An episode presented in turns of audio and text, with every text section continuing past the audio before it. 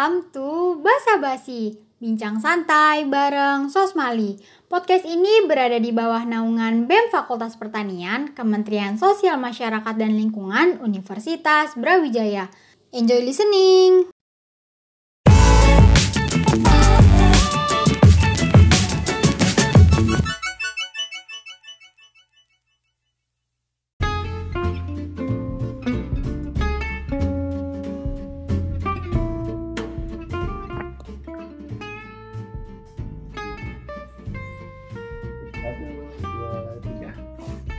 Halo semuanya, balik lagi nih sama aku Farel di episode Panglima Podcast Basa Basi. Nah kita udah lama banget ya, udah nggak ngeluarin episode baru nih di uh, podcast Basa Basi ya karena di Sosmali FP ini lagi banyak banget nih kegiatan yang harus kita lakuin. Tapi tenang aja nih, di episode kali ini bakalan sangat spesial karena aku ditemenin uh, podcaster baru nih dari Sosmali dan juga bintang tamu kita pada hari ini sangat-sangat uh, keren dan spesial pastinya. Kepo kan? Tapi sebentar dulu, aku harus kenalin dulu nih teman podcaster aku di episode kali ini. Oke, silakan. Oke, halo semuanya. Kenalin aku Aditya Willy Ramadan, salah satu staf dari Kementerian Sosial Masyarakat dan Lingkungan BEM Fakultas Pertanian Universitas Brawijaya. Nah, malam ini aku bakal nemenin Kak Farel buat jadi podcaster pada episode podcast malam ini. Nah, malam ini kita bakal kedatangan siapa sih Kak? Kok kayaknya bakal seru banget nih. Pastinya dong, tamu kali ini spesial banget karena dia datang jauh-jauh nih dari Jogja, dari universitas yang pastinya kalian udah sering denger deh namanya. Nah, tanpa perlu berlama-lama lagi, mari kita sambut nih Kak Muhammad Raffi Prakoso. Oke, silakan Kak Raffi. Halo Farel, halo Adit. Halo Kak. Nah, Kak boleh dong Kak kenalin sedikit Kak. Biasa nama panggilan siapa dan uh, dari mana sih Kak Kak uh, Raffi ini? Oke, uh, halo semuanya teman-teman. Kenalin uh, nama aku Muhammad Raffi Prakoso. Dipanggilnya Riko, ya emang agak gak nyambung sama nama nama lengkapnya. Asalnya dari Jakarta, dari jurusan Ilmu Ekonomi angkatan 2019. Dan Kariko ini dari uh, departemen apa kak di BEM uh, UGM? Departemen Sosial Masyarakat sama. Oke. Okay. Ya, jadi teman-teman kita kedatangan tamu dari uh, BEM Sosial Masyarakat FEB UGM. Oke, okay. gimana Dit? Wah ini pasti bakal asik banget nih. Oke, kalau nggak salah nih Kak Riko sebagai kepala departemennya ya Kak? Iya benar. Wah, bakal asik banget. Kita langsung ngobrol sama kepala departemennya langsung nih kak. Waduh. Ya. Tapi sebelumnya aku juga mau ngucapin terima kasih kak karena udah mau hadir di podcast uh, teman-teman FPUB Basa Basi Podcast nih. Karena pastinya Kak Riko ini kan sibuk banget kan ya kak. Enggak justru aku juga makasih banyak juga lah udah diundang sama teman-teman Tosmali FPUP dan senang banget juga sih diundang jadi tamu uh, podcast malam hari ini. Keren banget nih Mang Kariko tuh. Oke, walaupun uh, sibuk tapi mau menyempatkan waktu. Nah, aku pengen nanya nih Kak, di uh, Sosma FEB itu kalau misalkan lagi banyak proker atau lagi jenuh gitu uh, ada ini nggak sih kak? Uh, bonding atau refreshing gitu. Dan kalau ada itu ngapain ya kak biasanya? Kalau kalau kami tuh di sosmas biasanya ya pasti jenuh pas.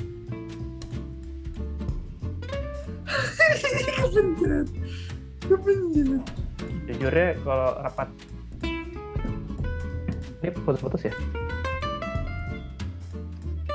Halo. Halo kak, lanjut kak, lanjut kak. Gimana, tes kak? tes.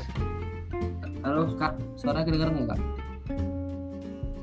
Uh, kayaknya kalian nggak putus-putus tadi. Iya kak, tadi aduh pencet nih apa? Oh, oke. Okay, okay. Udah jelas lagi nggak? Oke, okay, berarti sinyal berarti sinyalku aman kan ya? Aman, aman, aman, aman banget kak. Oke. Okay. Oke, mungkin okay, uh, bisa diulang jawabannya kak. Jadi nanti aku ngangkatnya okay. kak. Oke, okay, oke. Okay. Kita pulang ya. Um, ya kalau jenuh pasti ada ya mungkin apa namanya di antara staff-staff pas karena kan ini juga udah hampir satu tahun kepengurusan cuman kalau kita sebenarnya ya, jujur kalau rapat mingguan tuh kadang emang eh, serius-serius sih. Apa namanya bahasannya kayak langsung to the point kayak apa namanya eh, progress progress poker cuman mungkin biasanya kita eh, bondingnya karena eh, mungkin separuh dari anak-anak sos eh, sosmas BM FEB tuh eh, banyak yang cukup banyak yang di Jogja ya jadi kadang tuh kita juga ngadain eh, weekly meeting secara langsung gitu jadi rapat sekaligus main-main lah gitu biar nggak jenuh-jenuh banget gitu Wih. Ih, keren sih. Oke, ini kalau waktu rapat gitu tempat buat rapatnya tuh nyesuain apa nih kak? Apakah sambil kulineran Jogja kan bisa? Karena aku dari Solo nih ya, kuliner Jogja sama Solo kan terkenal nih kayak wah enak banget nih murah gitu. Atau emang cari tempat yang co-working space-nya luas gitu kak? Em, kalau WM offline bareng biasanya ya di ini aja sih apa namanya di di, di nongkrong di tempat kopi ke kalau sam kalau sambil kulineran kayaknya enggak sih apa namanya hampir nggak pernah bahkan paling kayak cuma nongkrong di tempat kopi habis itu kalau lapar ya cari makan aja yang ter yang yang terdekat gitu kalau ya sih gitu Iya. Tapi kan emang kuliner Jogja enak-enak kan ya kak. Paling suka apa nih kak kalau di Jogja kak makannya? Eh, paling suka sebenarnya apa namanya gudeg walaupun nggak nggak sering-sering nggak sering-sering banget ya Iya cuman Oh. ya Oke, iya. Kalau di Malang tuh biasa emang yang terkenal tuh bakso Malang. wah ya terkenal itu itu murah-murah juga di sana makan makanan di Malang Mirip-mirip sih kak harganya tuh yang nggak jauh beda lah Malang sama Jogja tuh. Kalau dibanding Jakarta atau misalkan Bandung tuh mahal tadi. Iya, bahkan di Jakarta parkir aja 2000 kalau di Di Jogja parkir kalau di Jogja kan ya ada yang 2000 ada yang 1000 juga sih tapi kayaknya banyak yang 1000 sih mahal Parkir ada parkir aja beda gitu ya. mahal banget kak. Kalau di Malang kali seribu di muka sini sih nggak aman tuh kalau parkir. Oke kak, nih aku mau tanya lagi nih kak. Eh kan kak Riko ini dari departemen sosma ya. Nah itu apa sih kak kayak suka dukanya gitu? Apalagi kan bisa dibilang nih, aku sama Farel kan juga ngerasain nih. Iya. Kayak se gimana ya? Seribet, bukan ribet sih, sepadet itulah jadwal dari sosmali. Itu masih kayak suka dukanya gitu kalau yang kak Riko alami tuh. kalau aku suka dukanya ya sukanya karena anak-anak sosmas tuh lumayan banyak. Bahkan bisa dibilang mungkin yang paling banyak ya di eh, di di BEM tuh hampir 20-an 20-an lebih. Dan anak-anaknya ya seru-seru sih. Apa namanya kadang juga kan ada juga eh, apa kadang ngejalan proker secara langsung. Jadi juga sekaligus eh, main bareng. Terus prokernya juga sebenarnya eh, ya seru-seru aja sih. Kita jalaninnya kayak apa namanya di- dibuat fun aja. Cuman ya dukanya karena kan departemen sosial masyarakat ya apa namanya mungkin kalau mis eh, eh, biasanya kan di jalan ini ya banyaknya secara langsung kan karena terjun ke masyarakat mung- mungkin melalui eh, broker apa ya biasanya kan kita langsung gitu pun karena eh, karena pandemi kan jadinya ya apa namanya terhalang gitu buat jadi melaksanain pro, eh, broker secara lang secara langsung itu sih paling eh, dukanya Hmm. Ya sih pandemi sih kayak emang. Tapi kan eh, sekarang udah mulai apa ya masa transisi nih kak. Kalau misalkan rapat secara offline pernah nggak sih kak sampai malam banget gitu atau bahkan nih sa- saking eh, parahnya sampai nginep di kampus gitu pernah nggak kak? Oh justru kalau di kampus hampir nggak ah, nggak pernah kita kita nggak pernah nongkrong di kampus sih bahkan aku sendiri juga nggak pernah kampus sekarang nggak tahu ya sebenarnya kayak boleh boleh apa enggak tapi ya kalau bisa kita WM offline ya paling malam nggak nggak yang sampai nginep gitu sih ya paling malam sampai jam sampai jam 12 lah gitu mungkin sekitaran jam segitu Oh iya sama sih sama sih mirip-mirip lah. Mm-mm. Ya begitulah sosmali teman-teman. eh sos sosma dan sosmali. Bahasannya banyak ya kak. iya banyak Oke, eh, lanjut ke pertanyaan selanjutnya nih kak. Di eh, menurut kakak eh, ada nggak sih kak proker yang eh, paling gimana ya paling berat gitu kak? Atau tanggung jawabnya tuh besar gitu. Dan kalau boleh tahu kenapa kak? Uh, kalau dari aku mungkin kan sebenarnya kalau di sosmas BMF UGM tuh prokernya ada satu dua tiga empat ada ada enam ya. Dan aku tuh sebenarnya bagi-bagi tugas gitu sama wakaditku aku aku megang proker apa dia megang apa tapi kalau menurutku dari semua proker itu yang paling berat uh, namanya desa apa namanya desa desa mitra. Nah, itu karena Hmm, mungkin karena aku juga sebagai kepala departemen dan kebetulan tahun ini juga ikut uh, PHP 2D atau program holistik pembinaan dan pemberdayaan desa yang uh, ketua ketua depart ketua ormawanya atau ketua departemennya juga harus uh, aktif partisipasi di situ jadinya uh, itu cukup bisa dibilang cukup menyita waktu waktu sih karena kegiatannya cukup banyak dan padat jadinya ya mungkin itu bisa dibilang proker terberat ya yang aku jalanin selama ini sih. Okay.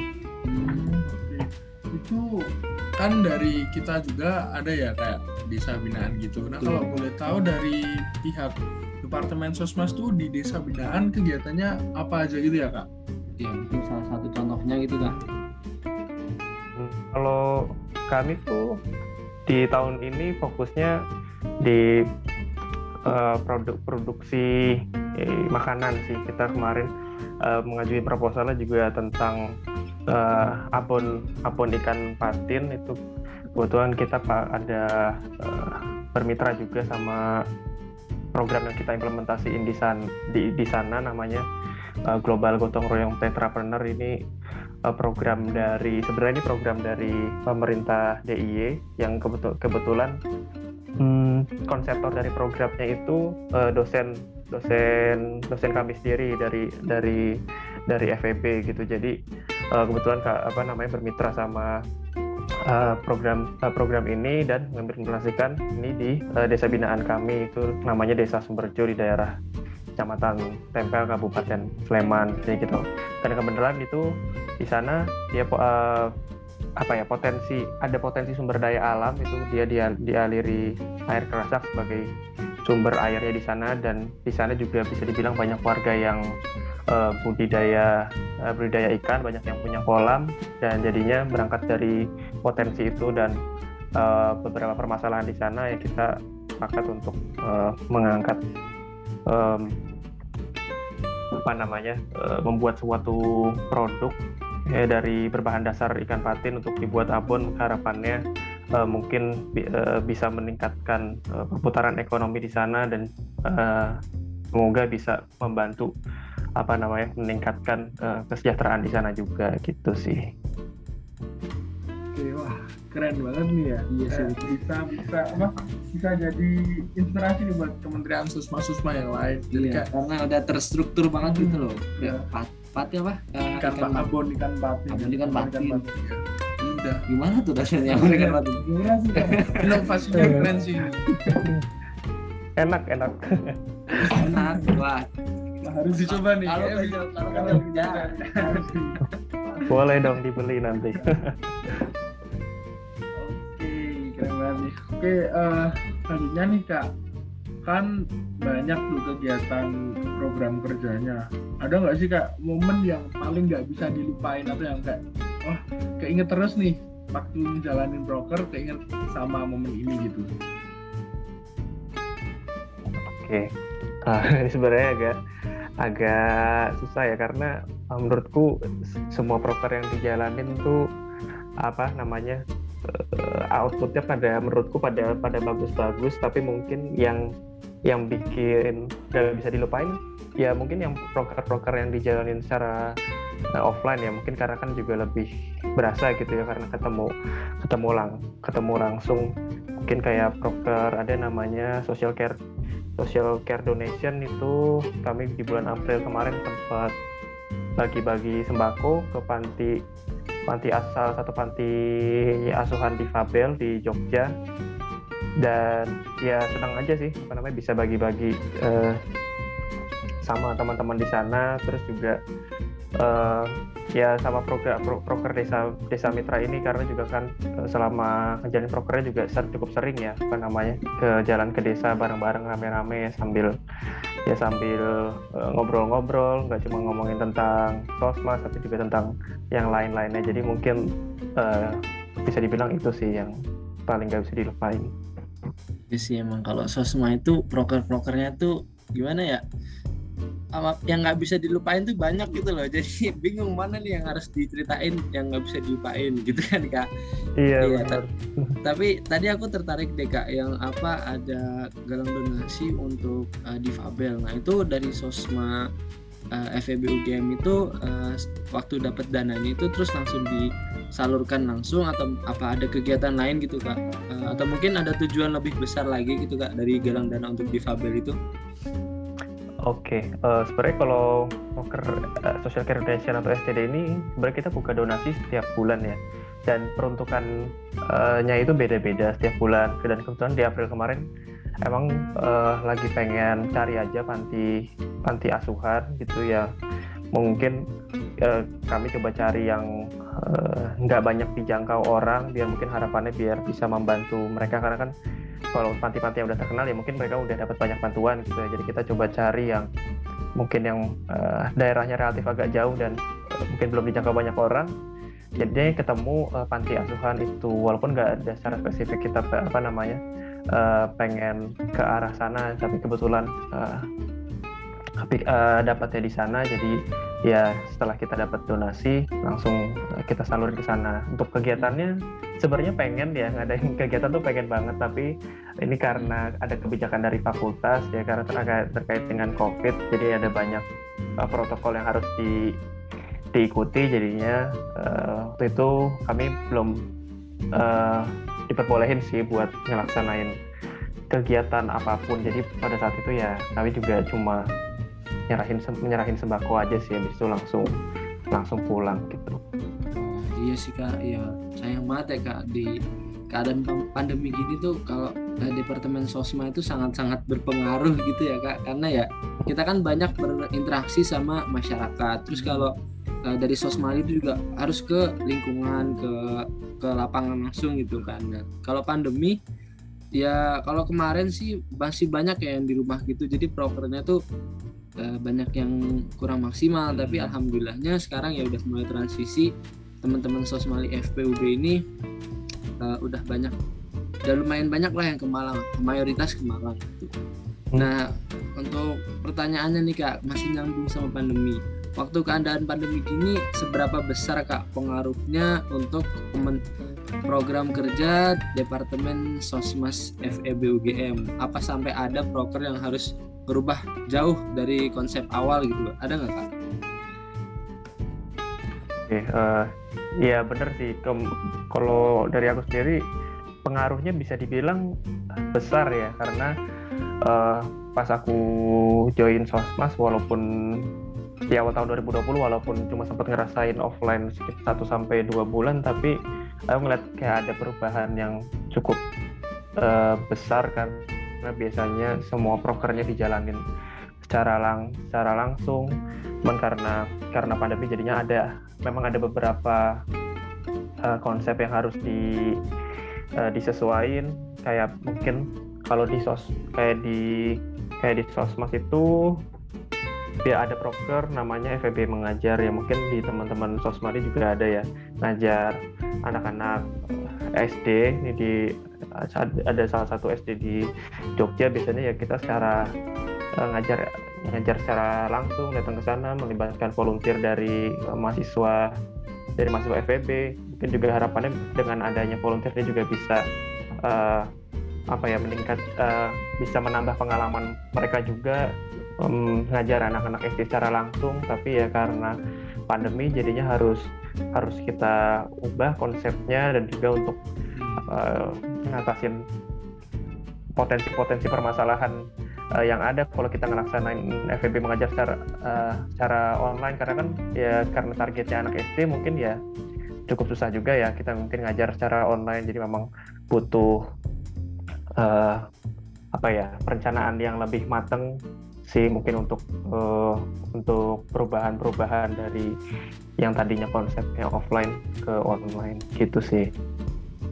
Iya sih kak, uh, soalnya bener banget nih kayak kementerian kita itu kan bisa dibilang sebagai kementerian yang emang harus terjun ke lapangan gitu nggak bisa nggak bisa cuma lihat online gitu ya sebenarnya kak. Jadi kalau yeah, keadaan kayak gini tuh ya pinter-pinter kayak nah ini mau gimana nih biasanya udah offline terus ini tiba-tiba online gitu.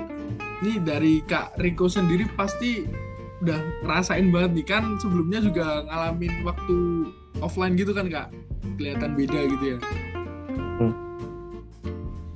ya sempat ya sempat sempat ngerasain walaupun walaupun cuma uh, cuma cuma bentar ya. Terutama ada bahkan di kalau di sosmas uh, apa FEB tuh ada satu proker sebenarnya yang uh, jadinya kita nggak kita adain tahun ini karena sebenarnya itu uh, memang harus secara langsung tuh ada namanya prokernya Doremi atau donor darah ekonomi itu biasanya kita ngadain ya donor darah uh, ngasih apa namanya ngasih wadah ke anak-anak uh, FEB buat apa namanya uh, donor donor darah ya kami donor darah nggak bisa online ya. Jadi jadi ya karena karena pandemi juga jadi nggak bisa nggak nggak bisa dilaksanakan ya. Jadi terpaksa sampai kita uh, apa namanya nggak ada dulu untuk untuk tahun ini. Gitu sih. Itu yang kerasanya banget sampai dihilangin. Bener banget sih. Tuh kalau dibayangin donor darah online masa darahnya ditransfer gitu ya kak? Makanya nggak kebayang kental ya keburu makanya keburu kental tuh. Jadi jelly garam jokes. Bener sih tapi emang ya kita harus menyesuaikan gitu ya. Dan semoga aja pandeminya segera berakhir gitu sih. Amin. Amin amin. Iya amin. Oke ini selanjutnya nih kak ada pertanyaan ya, spesial. pertanyaan spesial nih. Waduh. kan bisa dibilang ya kita tuh tiap saat tuh rapat ketemu rapat ketemu proker gitu. Nganterin, nah nganterin sana sini ya bener banget. Nah ini nih ada nggak sih yang sampai cinta lokasi gitu uh, asli cinlok gitu di departemen sosmas FEB UGM soalnya nih kak kita kasih tahu aja di sosmal itu ada ya, ya di oh. itu ada nggak perlu disebut namanya inisial A dan S. Eh, ada kalian ini Ya, gitu. Kalau di Sosmas FEB gimana kak?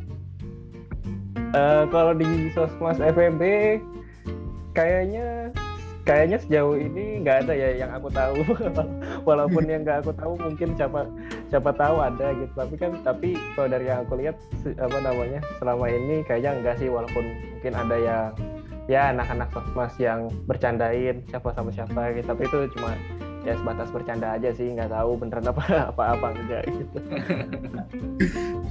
Iya kalau menurut uh, aku sih sos, uh, sosma dan sosma itu rawan tinlok ya kementerian. Rawan banget kan prokernya kan pasti ke desa ke desa. boncengan.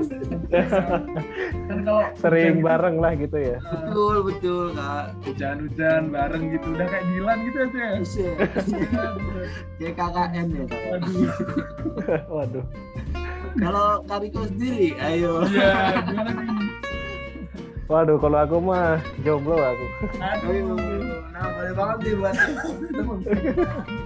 dengan podcast nih. Boleh dong kak di uh, apa di share IG-nya siapa kak?